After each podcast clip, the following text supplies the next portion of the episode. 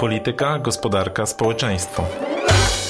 Szukamy różnych punktów widzenia i odrzucamy proste tezy. Rozmawiamy z ciekawymi gośćmi. Analizujemy sprawę z jednej, ale też z, z drugiej strony.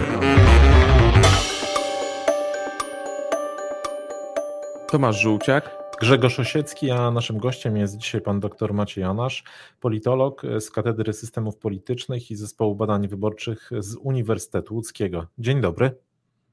Dzień dobry, dzień dobry Państwu. E, dosyć dużo się wydarzyło w mijającym tygodniu, jeżeli chodzi o e, temperaturę wrzenia e, w kampanii. No, przyczyną tego była oczywiście burza sondażowa, która, która zaczęła się od sondażu obywatelskiego, tak zwanego, przeprowadzonego przez Gazetę Wyborczą. No i można powiedzieć, chyba już minęło parę dni, ale można powiedzieć, że E, no, jak rzadko który, e, jak, jak rzadko które badanie wywołało no, straszliwą dyskusję odnośnie tego, e, jaką metodologię tam zastosowano, ile tam było takiego myślenia życzeniowego, ile rzeczywistych, obiektywnych danych. No więc mamy taką właśnie burzę wokół tych wszystkich danych wyborczych, a gdzieś w tle tego wszystkiego jeszcze odbywa się taka dyskusja trochę o, o tym, w jakim stanie jest e, PiS i opozycja. To znaczy, e, PiS, który zdaje się zyskuje taki drugi oddech, e, gdzieś wróciła ta wiara, że ta trzecia kadencja jest w zasięgu, a opozycja no, ma takie chyba poczucie lekkiego przegrzania tematów, którymi żyliśmy przez zimę, czyli że zabraknie węgla, że mamy drogie paliwo i tak dalej, i tak dalej. Jaka jest Pana refleksja, jeżeli chodzi o tę o te całą burzę? Y, kto z niej wychodzi zwycięsko, a kto rzeczywiście jest największym przegranym?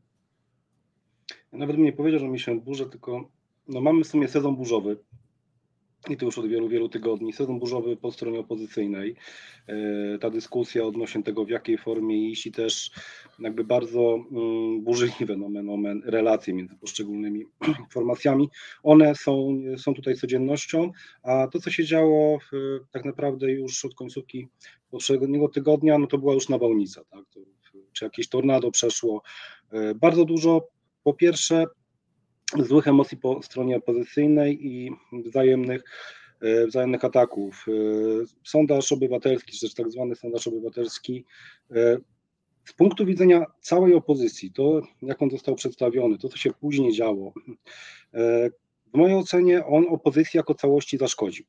Bo jeżeli ktoś może teraz siedzieć zadowolony, są to może nie tyle dwie osoby, co dwa ścisłe kierownictwa. Ścisłe kierownictwo Zjednoczonej Prawicy, które skupione wokół Jarosława Kaczyńskiego, może spojrzeć sobie za okno, e, czy też spojrzeć na ekran telewizora, jak skaczą sobie do gardu politycy opozycyjni, to naprawdę nie, nie dopiero od, od sondażu obywatelskiego, ale wcześniej i być zadowoleni, ok, opozycja zajmuje się sama sobą, ergo nie zajmuje się PiSem.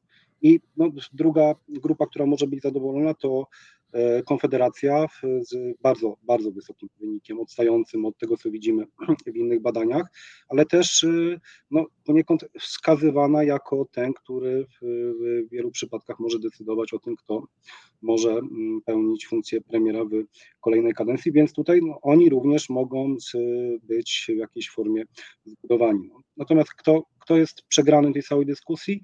W mojej ocenie im dłużej będzie to trwało, będzie trwała ta burza na opozycji, która będzie zajmować się sama sobą, tym gorzej dla ugrupowań opozycyjnych jako całości. Być może któreś z nich wyjdzie z tego wzmocnione kosztem innych, ale będzie to grało w sumie niezerowej. I to nie dlatego niezerowej, że będą większe zyski jednego ugrupowania niż straty pozostałych, tylko dlatego, że jakikolwiek zysk nie, nie pokryje zupełnie sumy strat. Ale to znaczy, że ta dyskusja została trochę zmistyfikowana przez to, że opozycja, no, że zajmujemy się e, dyskusją przede wszystkim o tym, czy to ma być jedna lista, czy dwie listy, czy trzy listy, a jakby nie ma dyskusji o innych kwestiach? Nie ma po pierwsze dyskusji o tym, jak przekonywać do siebie wyborców, a tutaj trzeba przypomnieć bardzo ważną rzecz. To w jakiej formie pójdzie, w jakiej konstrukcji pójdzie opozycja do wyboru, czy będzie to jedna lista, dwie, czy możemy sobie wyobrazić 49, oczywiście już w ramach pewnego absurdalnego żartu, e, to nie będzie decydowało wprost o tym, kto wygra te wybory, bo to nie wygra formalist, tylko wygra ten, kto zdobędzie najwięcej mandatów, przekonując wcześniej do siebie, do siebie wyborców. Oczywiście forma, w jakiej pójdzie opozycja, liczba list może mieć wpływ na i będzie miała na ostateczny wynik wyborczy, a to nie jest tak, że idąc w jednym formacie na pewno będzie zwycięstwo, idąc w drugim formacie na pewno będzie porażka, mimo że czasami mam wrażenie, że próbuje się nam wszystkim wmówić, że tylko od tego zależy przyszłość Polski, no to nie jest takie proste i to jest w sumie negowanie samej istoty wyborów. No, w wyborach najważniejsze będzie to, jak zagłosują obywatele. Tutaj jeden z dodatkowych czynników jest kształt, jak, jak, jak, pójdzie, e, jak pójdzie opozycja do tego, do tego całego procesu. E, no, czy w tym wszystkim opozycja gubi wyborców? Mam wrażenie, że trochę niestety tak. Zajmując się sama sobą, e, skacząc sobie do gardeł, tam w mojej ocenie pojawiają się nawet groźby po stronie opozycyjnej, jedni względem drugich. Pytanie jest zasadnicze. Po co, jeżeli wiemy, że na tym nie można zyskać? No dobrze, a jeżeli chodzi, wracając, no bo zaczęliśmy od sondażu. To się przewija przez całą kampanię. Mamy pokazywane różne wersje, różne sondaże, symulacje e, rozkładu mandatów. Na ile w ogóle możemy wierzyć w tej chwili symulacjom mandatów, skoro wiemy, że na przykład same sondaże są często robione z takim błędem 3%, tak? Co oznacza, że nie wiem, jeżeli jakaś partia ma 32%, no to można sobie wyobrazić, że równie dobrze przy błędzie 3% może mieć 35 albo 29, e, tak? No bo rozumiem, że w takim paśmie się poruszamy wtedy. A mandaty mamy co do jednego. Tutaj oczywiście sam sondaż jest swego rodzaju próbą zrobienia zdjęcia rzeczywistości.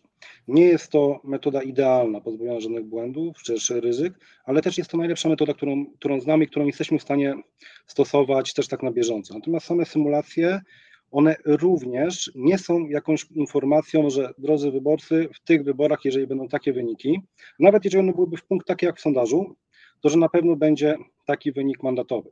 O czymś takim możemy mówić tylko i wyłącznie w Polsce e, przy wyborach do Parlamentu Europejskiego, jako że tam są dzielone mandaty w całym kraju w jednym wielkim okręgu obecnie 52 mandatowym i tam wiemy, jeżeli poszczególne ugrupowania mają tyle, a tyle poparcia, to tak to się przełoży na podział mandatów, ale już nie wiemy na przykład, ile mandatów będzie w poszczególnych okręgach, których przecież jest 13 do Parlamentu Europejskiego, bo to później dopiero będzie dzielone.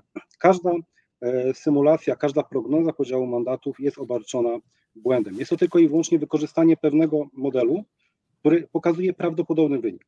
Nie, nie możemy do tego się przywiązywać na zasadzie, że to będzie na bank konkretnie co do mandatu takie, nie inne ujęcie. Oczywiście możemy się próbować jak najbardziej zbliżyć.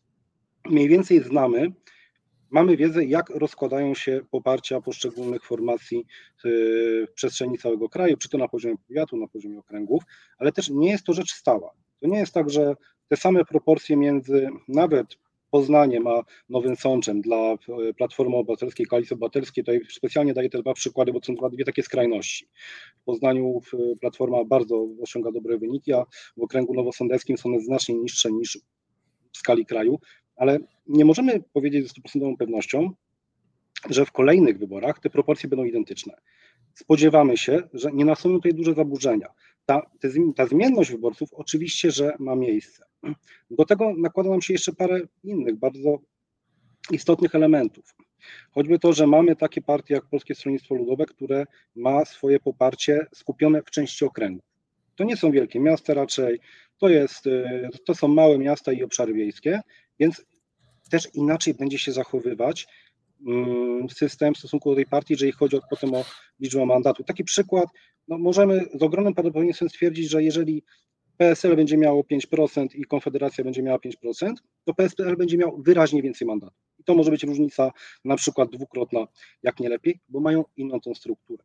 Do tego dochodzi nam jeszcze taki ciekawy element u nas w systemie wyborczym, o którym bardzo często się zapomina, choć fakt faktem w ostatnich miesiącach mówiono o tym więcej niż zwykle. W nasz system budowane są bardzo wysokie nierówności. Jeżeli sprawdzimy, ilu jest uprawnionych poszczególnych okręgach, ilu, ilu uprawnionych przypada na jeden mandat, albo potem, po wyborach, sprawdzimy kolejnych, ilu, ile przypadało głosów na każdy mandat, to są to bardzo duże różnice. I to nie jest różnica z rzędu, że gdzieś mamy odchylenie 2-3%. Nie. W skrajnych przypadkach jest to różnica około 2,2 raza więcej, czyli głosując w jednym miejscu, ten sam głos, raczej taki sam głos, ma 2,2 razy, razy większą siłę niż głosując w zupełnie innym okręgu. Tutaj, co bardzo istotne, najniższą siłę głosu ma okręg warszawski, który jest okręgiem największym.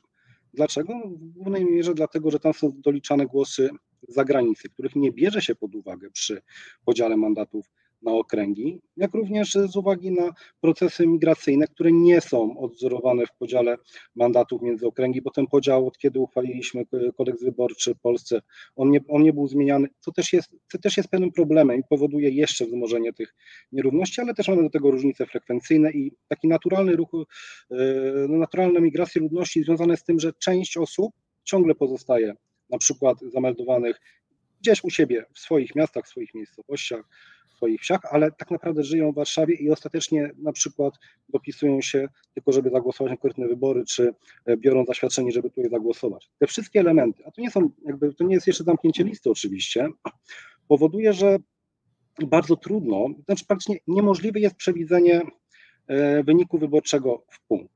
I tutaj jeszcze jakby to najlepiej chyba naszym słuchaczom zwizualizować. Ja często studentom daję na zajęciach z partii i systemów partyjnych, gdzie też omawiamy system wyborczy, takie proste zadanie. Dostają wyniki wyborów z roku 2019 z małą zmianą. Y, są to dwie, no powiedzmy, że dwa modele. Tak? W pierwszym, dajmy na to, Prawo i Sprawiedliwość uzyskuje w każdym okręgu trochę więcej głosów niż stało się to w rzeczywistości. W drugim, trochę mniej. Jeżeli sumują te wyniki głosowania tych dwóch modelach, to tam różnica jest powyżej miliona, miliona głosów, czy nawet jeszcze lepiej. Ale jeżeli dostają zadanie potem przeliczenia tych wszystkich okręgów z tymi danymi zmienionymi w stosunku do, do rzeczywistych, okazuje się, że wynik mandatowy pozostaje w każdym okręgu bez zmian. Hmm. Zawsze jest tak, że w poszczególnych okręgach, szczególnie tych mniejszych, to będzie jeszcze bardziej wyraźne, mandaty uzyskuje się skokowo. To nie jest tak, że każdy kolejny głos daje mandat. Może być tak, że udało się danemu ugrupowaniu uzyskać, trochę tak powiedzmy, rzutem na taśmę mandat i dwa, trzy głosy mniej, już by tego mandatu nie było. Z drugiej strony może być tak, że zabrakło tylko kilku głosów do osiągnięcia mandatu. Te różnice oczywiście, że one występują potem na poziomie wyborczym i to też powoduje, że no po raz kolejny podkreślę, do naszych symulacji wszystkich należy podchodzić z daleko idącą ostrożnością. My staramy się oczywiście, żeby one były jak najbardziej wiarygodne. A to ja chciałem zapytać, ja chciałem dopytać, może byśmy wyjaśnili, odnieśli się do tego sondażu, o którym mówimy, że, że wywołał burzę, tak? No, on pokazywał, że w zasadzie jedynym wyjściem dla opozycji jest w tej chwili jedna lista. Natychmiast zaczęła się dyskusja. To jakie były słabości i skąd ta burza się wzięła?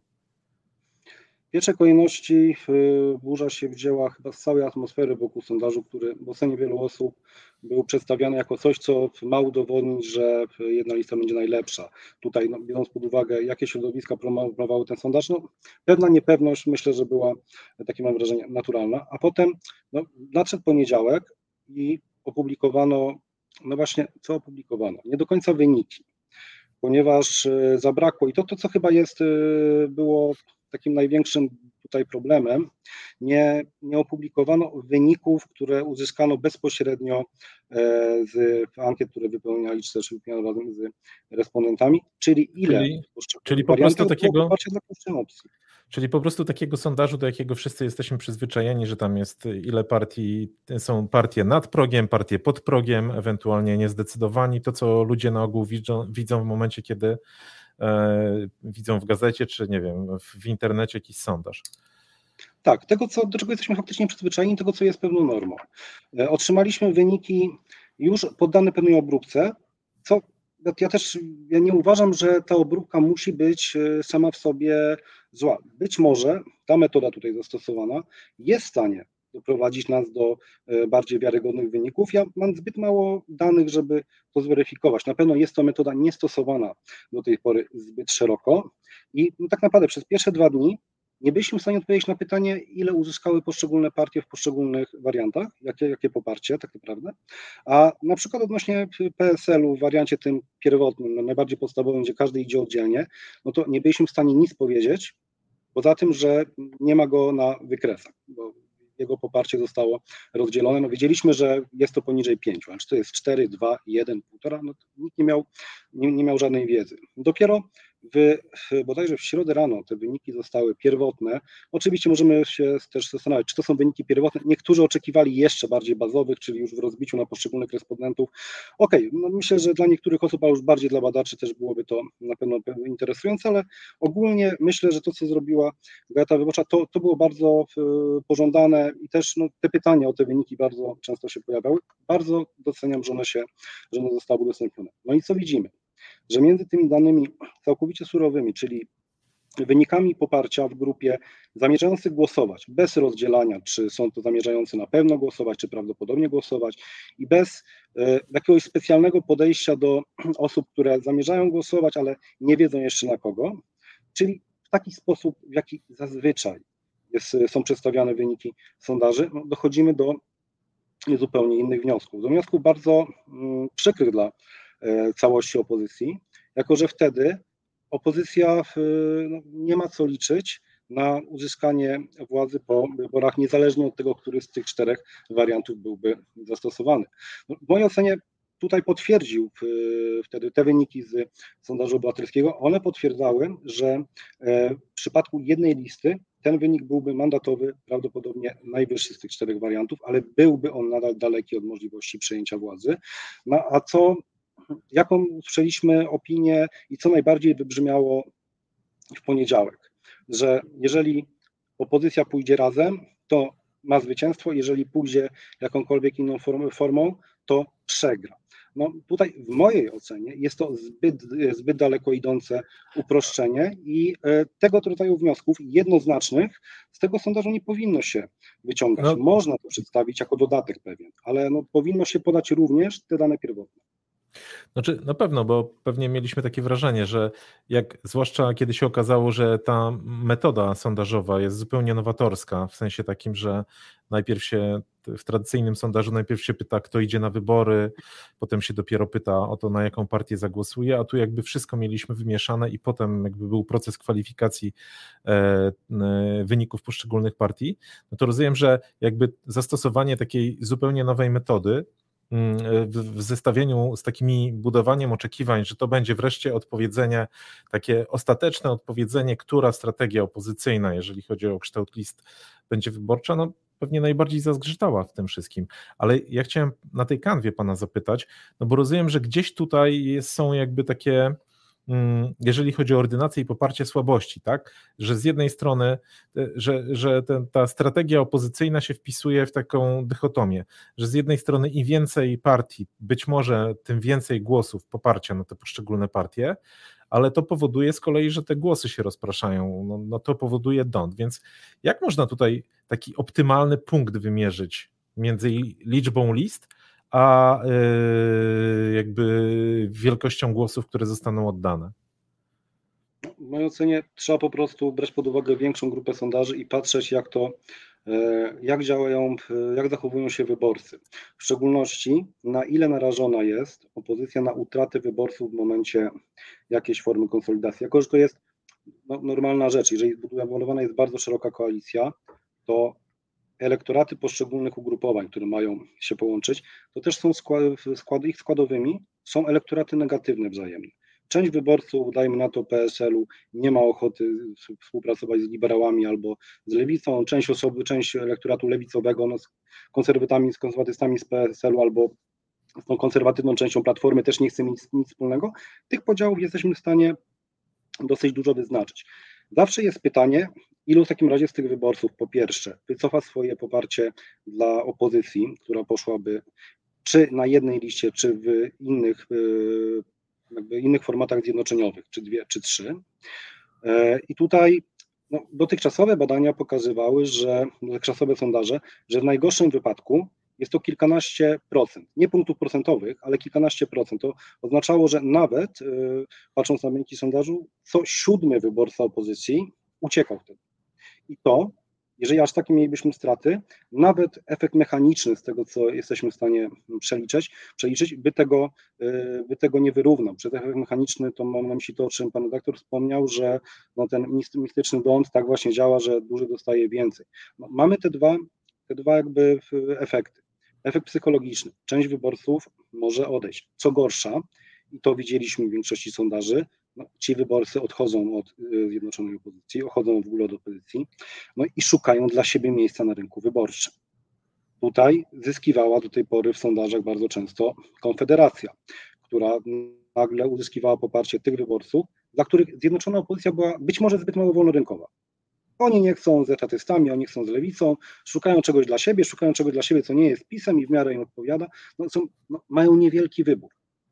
W sumie tym trzecim w tym momencie jest Konfederacja. Możemy się spodziewać, że w przypadku jednej listy ten trzeci będzie zyskiwał. I tutaj no, jest pewna nadzieja większa dla tych pośrednich modeli, gdzie mamy dwie albo trzy listy opozycyjne, bo wtedy wyborcy zniechęceni z jakiegoś powodu, bo na przykład moja formacja nagle robi sobie sojusz z zbyt konserwatywnymi, ze zbyt liberalnymi, mają inne punkty odniesienia, mogą pozostać ze swoim głosem po stronie opozycyjnej, nawet jeżeli opuszczą własną formację.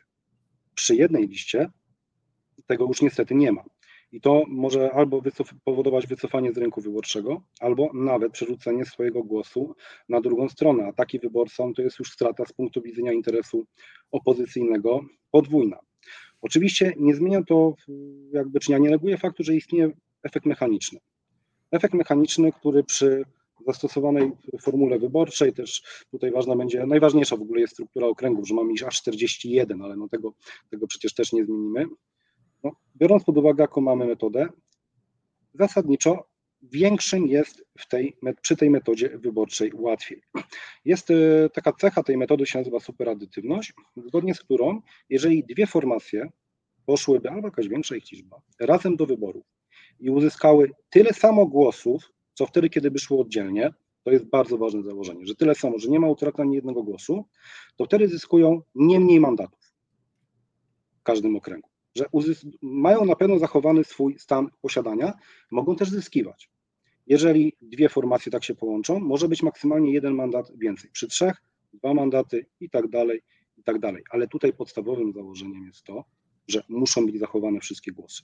Natomiast to, co widzimy w większości sondaży, tego zachowania głosów nie ma. I tutaj no, w, trochę chyba jednak źle się patrzy czasami też w narracji polityków już, jak mówią o tym bonusie zjednoczeniowym, to sytuują go w mojej ocenie w tym miejscu, bo sytuują go tam, gdzie jesteśmy w, na poziomie głosów, gdzie to działa wręcz, wręcz przeciwnie najprawdopodobniej zadziała, zamiast na poziomie mandatu, gdzie to może zadziałać tylko i wyłącznie przy spełnieniu tych bardzo daleko idących i bardzo ostrych założeń. No, jaki jest koniec tego wszystkiego? Stoimy przed ryzykiem nawet tego, to jest, nie jest jakoś bardzo prawdopodobne, ale też to w niektórych sondażach widzieliśmy, że idąc jedną listą, opozycja mogłaby zyskać mniej mandatów niż idąc całkowicie podzielona. To jest oczywiście przypadek skrajny, ale o tym też musimy pamiętać. A to też trochę odbijając się od tego e, przykładu z mijającego tygodnia, który wywołał taką no, polityczną e, awanturę, przed nami kilka miesięcy kampanii. E, no, tych sondaży będzie coraz więcej e, na różnych etapach tej e, walki politycznej. No, można się już pomału pogubić już na tym etapie, w którym jesteśmy teraz. Który sondaż rzeczywiście opisuje rzeczywistość mniej więcej taka, jak, jaką jest, a który sondaż y, próbuje ją wykreować, próbuje wykreować jakąś swoją równoległą rzeczywistość. To znaczy, jak przeciętny y, Kowalski, przeciętny wyborca, ale także my, dziennikarze, na co powinniśmy zwracać uwagę, interpretując y, wyniki takich sondaży, odsiewać te, które rzeczywiście mają cel inny niż opisanie rzeczywistości. Jak nie dać się po prostu oszukać? Tutaj w Kilka założeń możemy takich ułatwiających na pewno przyjąć. Dobrym rozwiązaniem jest nie zwracanie zbyt dużej uwagi, nie, nie przywiązywanie może tak wagi specjalnej do tych sondaży, które w sposób bardzo wyraźny odstają od ogólnej tendencji. Jeżeli widzimy w ogromnej większości sondaży na przykład, że Prawo i Sprawiedliwość ma tam w okolicy tych 33-35, tak nagle się pojawia sondaż, że jest to 50 albo 55, no to możemy spokojnie przejść obok, ok, fajnie, niech sobie w tym sondażu będzie 55, skupmy się na tych, które idą w miarę jednak e, zbilansowanie. I też czyli patrzmy, patrzmy, czyli patrzmy na... na... trendy, tak? Nie patrzmy na, punktowo na sondaże, tylko patrzmy na przykład na średnie sondażowe, y, agregujące wyniki z największych sondażowni. Tymi średnimi też oczywiście jest pewien też jest pewne, pewne zagrożenie, no bo średnia wynika z poszczególnych sondaży. Tak? To nie jest jakieś kolejne narzędzie wspaniałe, ale na pewno warto patrzeć na trendy. Czy jeżeli ogólnie w, w ogromnej większości sondaży jakiemuś ugrupowaniu rośnie, no to jesteśmy no, dosyć przekonani o tym, że faktycznie mu rośnie. Jeżeli mamy do czynienia z tym, że ugrupowanie ma raz wyniki lepsze, raz gorsze w ogóle sondaży, to znaczy, że tutaj jakieś zamieszanie jest, ale też nie jesteśmy w stanie jednoznacznie powiedzieć, w którą to stronę idzie. Na pewno nie ma co się skupiać na jednym sondażu, że no to też często partie polityczne to robią, albo sobie wybierają kilka sondaży. To, to, to, to zapytam, zapytam pana o konkretny case. Czy, czy pan wierzy w te, e, no aktualnie 15% dla Konfederacji, e, co jest o dwa punkty procentowe więcej e, niż w najczarniejszych snach opozycji no tej, jak sama siebie określa, demokratycznej. Jeszcze w, z końcówki zeszłego roku, kiedy no, Konfederacja miała przy pewnej konfiguracji startu pozostałej części opozycji 13%. Czy to jest czy to są te rejestry sondażowe, w które powinniśmy dowierzać, czy mamy tutaj do czynienia z jakimś e, może balonikiem? Tutaj, no i właśnie spójrzmy. Mamy bardzo dużo sondaży, które pokazują wyraźnie niższe poparcie dla Konfederacji. I tutaj nagle się nam pojawia bardzo już takie wysokie poparcie, no to już nie jest niskie naście, tak? to jest znacznie, znacznie poważniejsza rozmowa. I no, tu możemy się zastanawiać, czy jest to efekt zastosowanej metody, tego w jaki sposób byli przepytywani respondenci, czy e, no, co jest też no, nieprawdopodobne, jako że były to de facto cztery sondaże po e, tysiąc respondentów, po prostu no, trafiono w taką grupę. Grupy też nigdy nie są tak, tak naprawdę idealne. Tak? zaburzenia tutaj jak najbardziej mogą mieć, mogą mieć miejsce. Ja osobiście do tego wyniku się jeszcze nie przywiązuję. Dopóki nie zobaczę potwierdzenia w innych badaniach, że jest aż tak wysoko, to jeszcze w mojej prywatnej ocenie poparcie dla Konfederacji będzie na niższym poziomie, co nie zmienia faktu, że widzimy, i tutaj wracamy do tendencji, że tak, Konfederacji rośnie. Możemy oczywiście e, i powinniśmy wręcz e, analizować tego przyczyny, co do tego doprowadziło, no ale to, że notuje ona po zadyszce zeszłorocznej, notuje wzrosty, notuje pełne odbicie, tak, widzimy to z całego szeregu badań i tutaj no, negowanie tego byłoby nieodpowiedzialne. A co się dzieje, bo mówiliśmy wcześniej o opozycji, e, no i o tym, że ten sondaż też e, zbiegł się no, z trochę taką zadyszką opozycyjną. To, to czemu opozycja złapała zadyszkę, a z drugiej strony, jak wygląda w tej chwili kampanijna sytuacja PiSu? E, no bo też wiele rachub opozycyjnych polegało na tym, że no PiS zacznie tracić, tak? Był taki moment w grudniu, w styczniu, kiedy faktycznie był taki sondażowy dołek, a teraz zdaje się, że odzyskuje oddech. No tutaj możemy się na przykład no, zastanowić nad tym, czy to, że PiS, PiS wyszedł z zimy dosyć bez szwanku, no, nie sprawdziły się te czarne scenariusze, że zabraknie węgla, ludzie będą zamarzać w domach. E, to prawdopodobnie pozwoliło na ustabilizowanie poparcia PiSu, być może pewne odbicie, bo to jeszcze nie mamy, nie mamy pewności. E, do tego też dochodzi kwestia choćby drożyzny, bo zresztą dzisiaj na przykład Marcin Duma dosyć ciekawie to w jednej ze stacji opowiadał. Z jednej strony jak najbardziej wszyscy widzimy i jakby, no, jeżeli kogoś się zapyta, czy jest drożej, tak jest drożej, ale przy pytaniach szczegółowych, z, z czego musiał, musiał zrezygnować dany, dany rozmówca, tu już nie ma takich konkretów. No.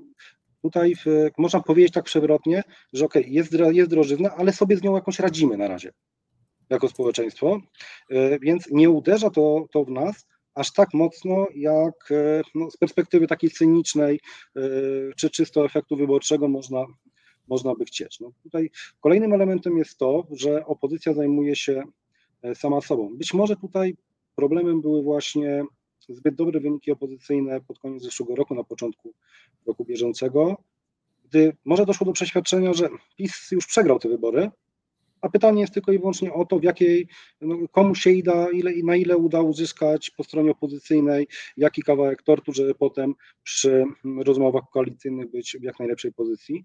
No, tutaj pamiętajmy, wybory się jeszcze nie odbyły, no, nawet nie są jeszcze zarządzone. To jest kwestia otwarta.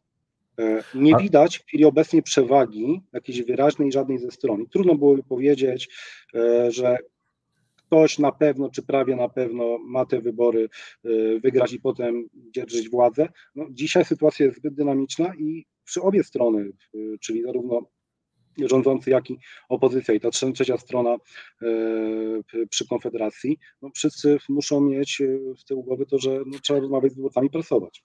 A to co zdecyduje? Czy zdecyduje jakby mobilizowanie własnego elektoratu, czy umiejętność narzucenia jakichś e, takich osi narracyjnych w kampanii, czy może przekonanie, nie wiem, po stronie opozycyjnej, że mimo tych wszystkich niestansek opozycja jest w stanie grać jak jedna drużyna, a z kolei, nie wiem, no PiS e, będzie próbował pokazywać, że przeszedł przez pandemię, kryzys, wojnę e, w miarę jakby z niepoturbowanym krajem. Jakby co, co, co wygra tak na końcu, jakby, co przemówi do wyborcy i do którego, jakie będą strategie kampanijne?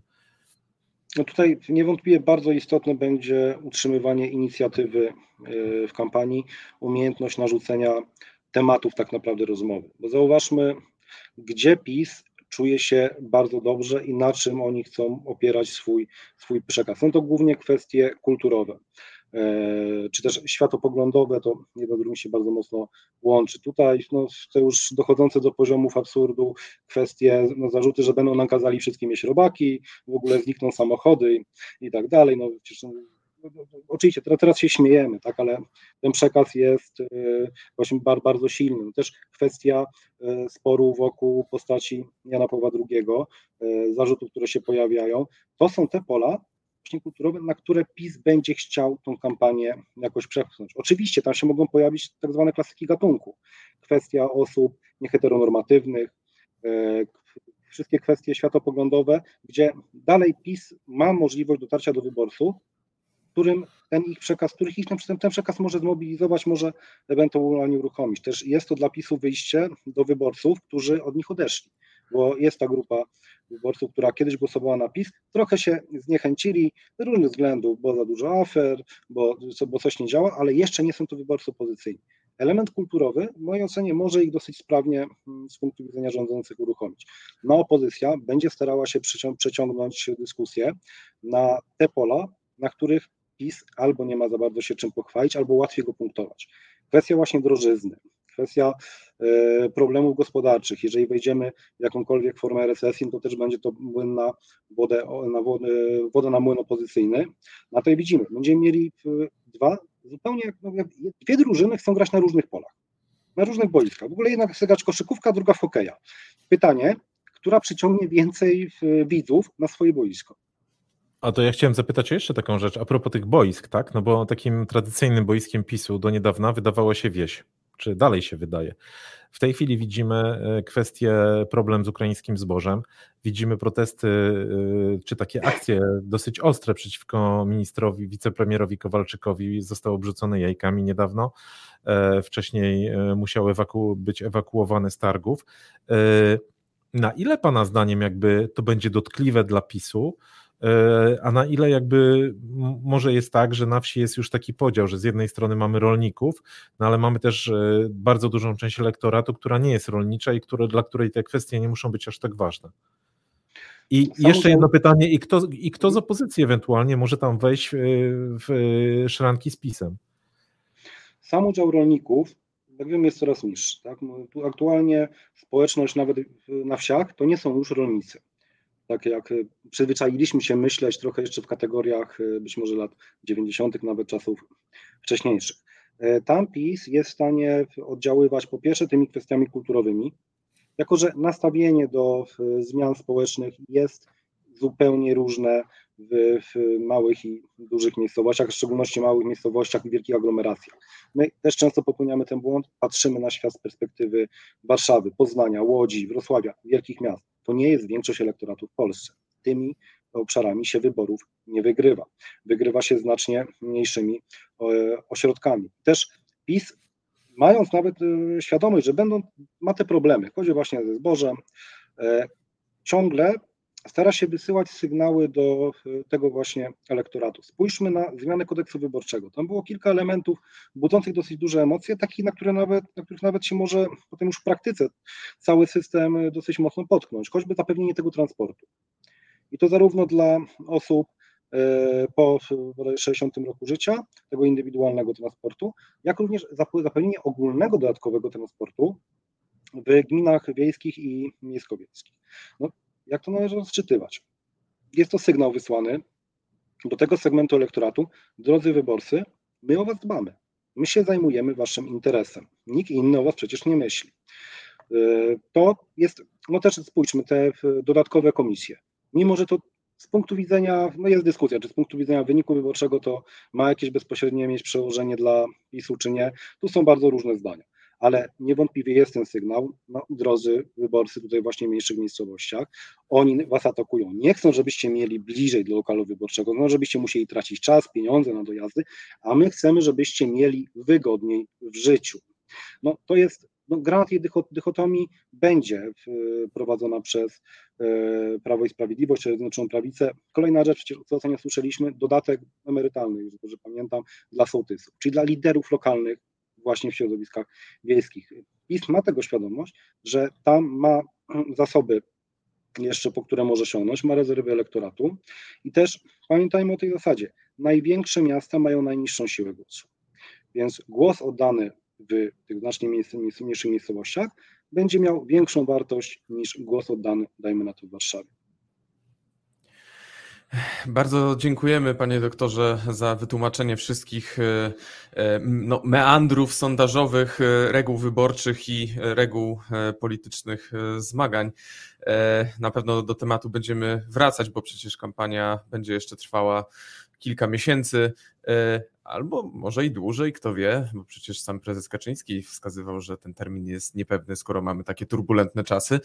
E, dziękujemy niemniej za rozmowę. Naszym gościem był dr Maciej Onasz, politolog z Uniwersytetu Łódzkiego. Dziękujemy jeszcze raz. Dziękuję serdecznie. Dziękujemy. I zapraszamy teraz na część drugą.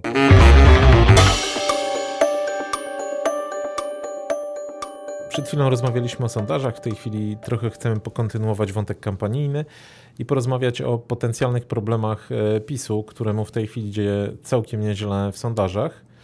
Natomiast e, widać jakieś tam czarne chmury na horyzoncie.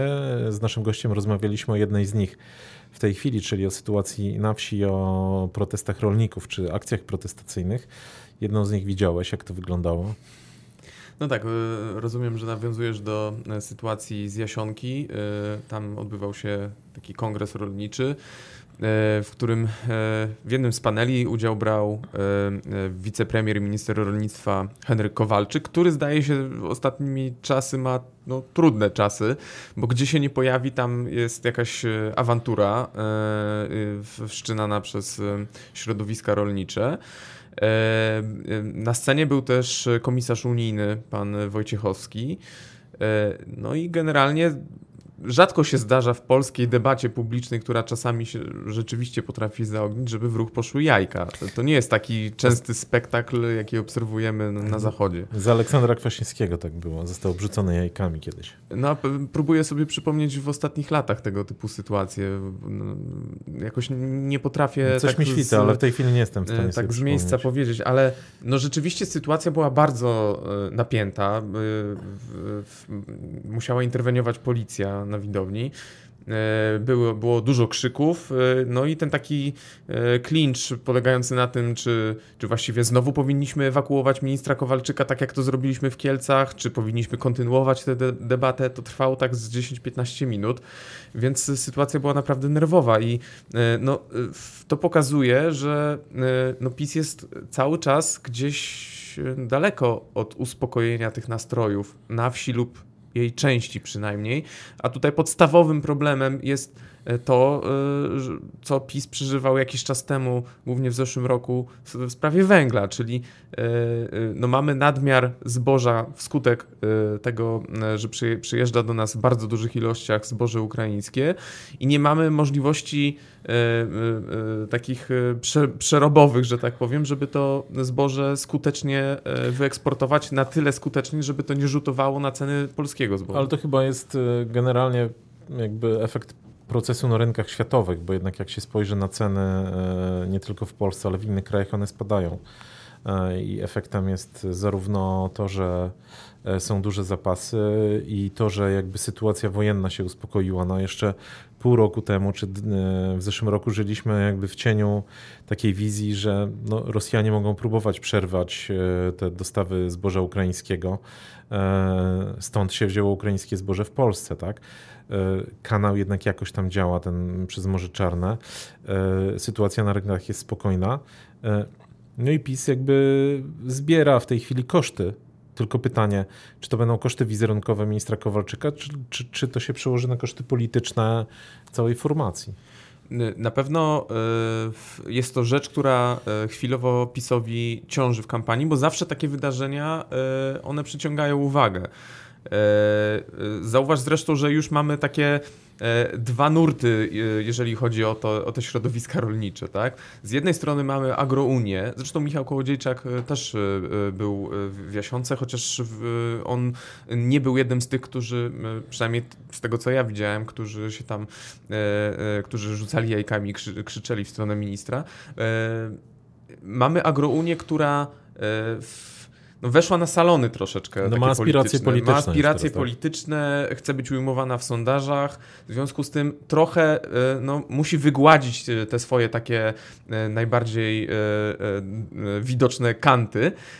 Zwłaszcza po tym, jak Agrounia połączyła się w ramach koalicji z pogrobowcami Jarosława Gowina z porozumienia. Więc tutaj rozumiem, że to jest taka odnoga, która ma wprowadzić właśnie te, te osoby na polityczne salony.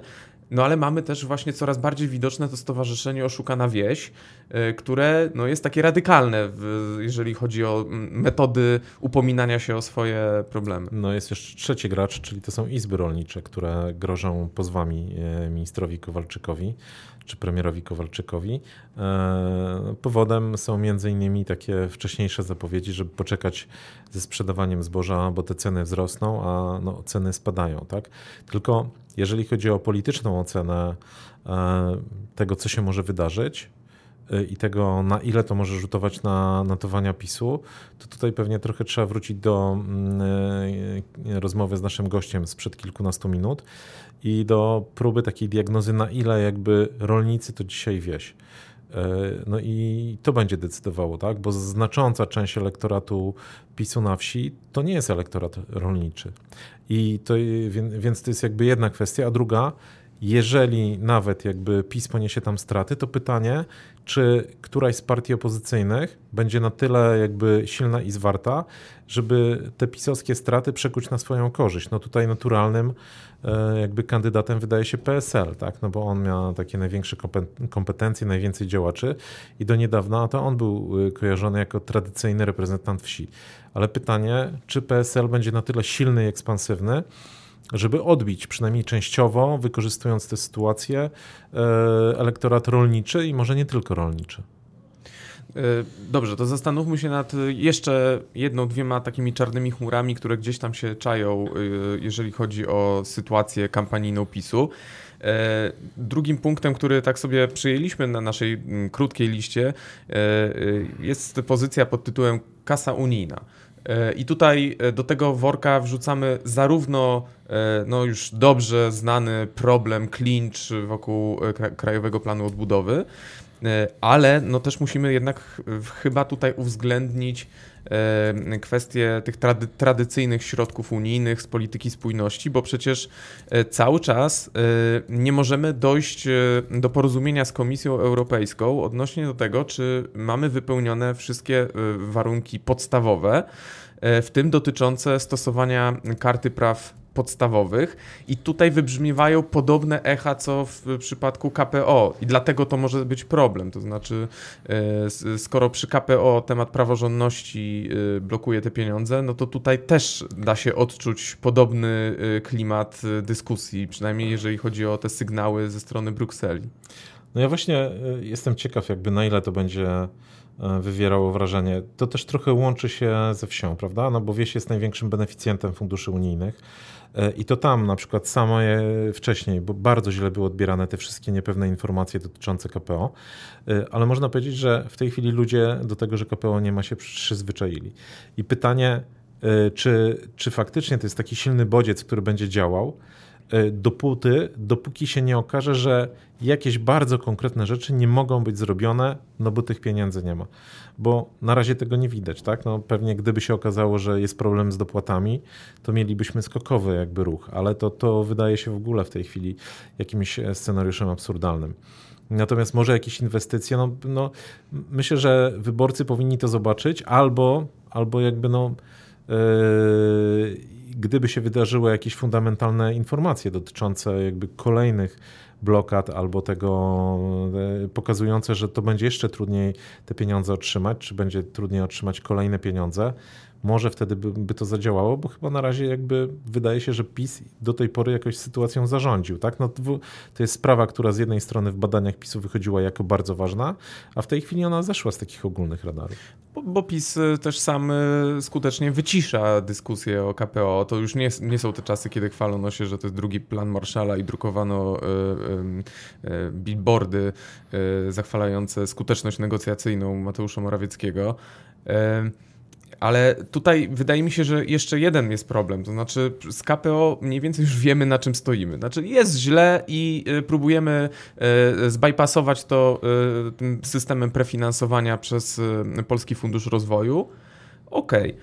Ale w przypadku tych tradycyjnych środków unijnych ten problem, o, znaczy, o tym, czy mamy problem, dowiemy się na finiszu kampanii tak naprawdę, bo wtedy mogą pojawić się pierwsze wnioski o płatność od beneficjentów, którzy już ponieśli swoje koszty, zrealizowali jakieś przedsięwzięcia i, i wtedy się może okazać, że tych pieniędzy y, Komisja Europejska nam nie rozliczy. I, czyli y, to jest taka trochę bomba z opóźnionym zapłonem, która y, może y, PiSowi wybuchnąć w rękach y, no, w, w, takim kluczowym y, etapie kampanii. A umówmy się, obserwując napięte relacje na linii Warszawa-Bruksela, czasami dało się zauważyć, że pewne rzeczy, jeżeli chodzi o timing, nie działy się przypadkowo. Znaczy ja mam jeszcze w tle jakby tej całej historii jeszcze jedną obawę. Znaczy Bruksela nauczyła się, że może. Znaczy, że może blokować finanse, e, fundusze unijne, że jakby możesz stosować tu jakby różne... I nie potrzebuje e, nowych narzędzi typu różne zabiegi, 7. tak? I efekt jest taki, że no, to jest ciało biurokratyczne i, i też takie ciało władcze, które nauczyło się, że ma nowe kompetencje. Ja wcale nie jestem przekonany, że jeżeli w Polsce się zmieni rząd po wyborach, obojętne czy wygra opozycja, czy PiS, to jakby tam przyjdzie jakaś odwilż. Znaczy, może ona będzie, ale chodzi o to, że jak y, jeżeli ktoś poczuł jakieś instrumenty władzy, to być może będzie stosował je nadal. A trzecia rzecz, o jakiej mówiliśmy, to drożyzna, tak? Ona no, gdzieś tam cały czas jest, tak? No bo widzimy e, ceny, media to przypominają i co? E, ja bym to jeszcze szerzej nawet, nawet potraktował, to znaczy e, po, poziom życia, tak? E, bo często eksperci mówią, że decyzję wyborca podejmuje, no nie wiem, na kilka godzin, na kilka dni przed oddaniem tego głosu. Że to są takie, to jest taki moment, to jest taka chwila, która, e, która powoduje, że ta decyzja zapada w tę czy w inną stronę. Mm, I zastanawiam się, czy na jesieni, kiedy już będziemy e, no, jeszcze więcej miesięcy tkwili w, w, tym, w tym okresie tej drożyzny, będziemy po prostu czuli zmęczenie w, w tych naszych portfelach, już mocno zresztą e, wypranych z pieniędzy E, czy nie zadziała taka prosta emocja, że, e, czy kalkulacja, e, że ktoś zada sobie pytanie, czy mi się żyje teraz lepiej niż te 4 lata temu, czy gorzej? No jeżeli istotna część wyborców, także z PiSu, związanych z PiS, ale nie aż tak emocjonalnie, czy one przy takiej kalkulacji nie dojdą do wniosku, że no jednak e, e, trzeba coś zmienić w tym kraju. E, tak może być, no bo w końcu PiS jakby i w 2015 roku i w 2019 roku jedną z takich bardzo istotnych jego linii kampanijnych było to, że on się pokazywał jako gwarant wzrostu poziomu życia. Bo w końcu temu służyło 500 plus a potem różnego rodzaju obietnice, kolejne 500 plus w roku 2019, czy nie wiem, obietnice niższych podatków. To wszystko miało się wiązać e, z wyższym poziomem życia i przecież wzrost pensji i doganianie Niemiec też było gdzieś tam wszystko e, wdrukowane w te pomysły. E, inf, przyszła wysoka inflacja, która po prostu część tego wzrostu, który następował, zżera. I ona jest 18%, ona jest bardzo wysoka, a ma spadać, bo tutaj wszyscy się pocieszają, że będzie dezinflacja, no ale jeżeli ona na jesieni będzie, nie wiem, 8-9%, to ona nadal będzie bardzo wysoka i będziemy wtedy po ponad półtora roku bardzo wysokiej inflacji, gdzie ludzie będą wymęczeni, te ceny będą naprawdę wysokie, mm, pensje pewnie dalej będą e, realnie spadały, więc faktycznie to może być czynnik. Tylko pytanie, pytanie e, czy, bo myślę, że kampanijnie to się sprowadzi jakby do, do po pierwsze do tej kwestii, czy faktycznie kampania stanie się licytacją o, o to, kto jest lepszym gwarantem poziomu życia, czy PiS, który rządził do tej pory, czy opozycja, która e, chciałaby go zmienić. Ewentualnie, czy PiSowi uda się przebazować dyskusję wyborczą na inne pola, na to, co widzieliśmy teraz, na obronę Jana Pawła II, na różne inne kwestie, nie wiem, kulturowe, światopoglądowe, które e, e, mogą dawać przewagę, tak się przynajmniej politykom PiSu wydaje. No ale tego w tej chwili nie rozstrzygniemy.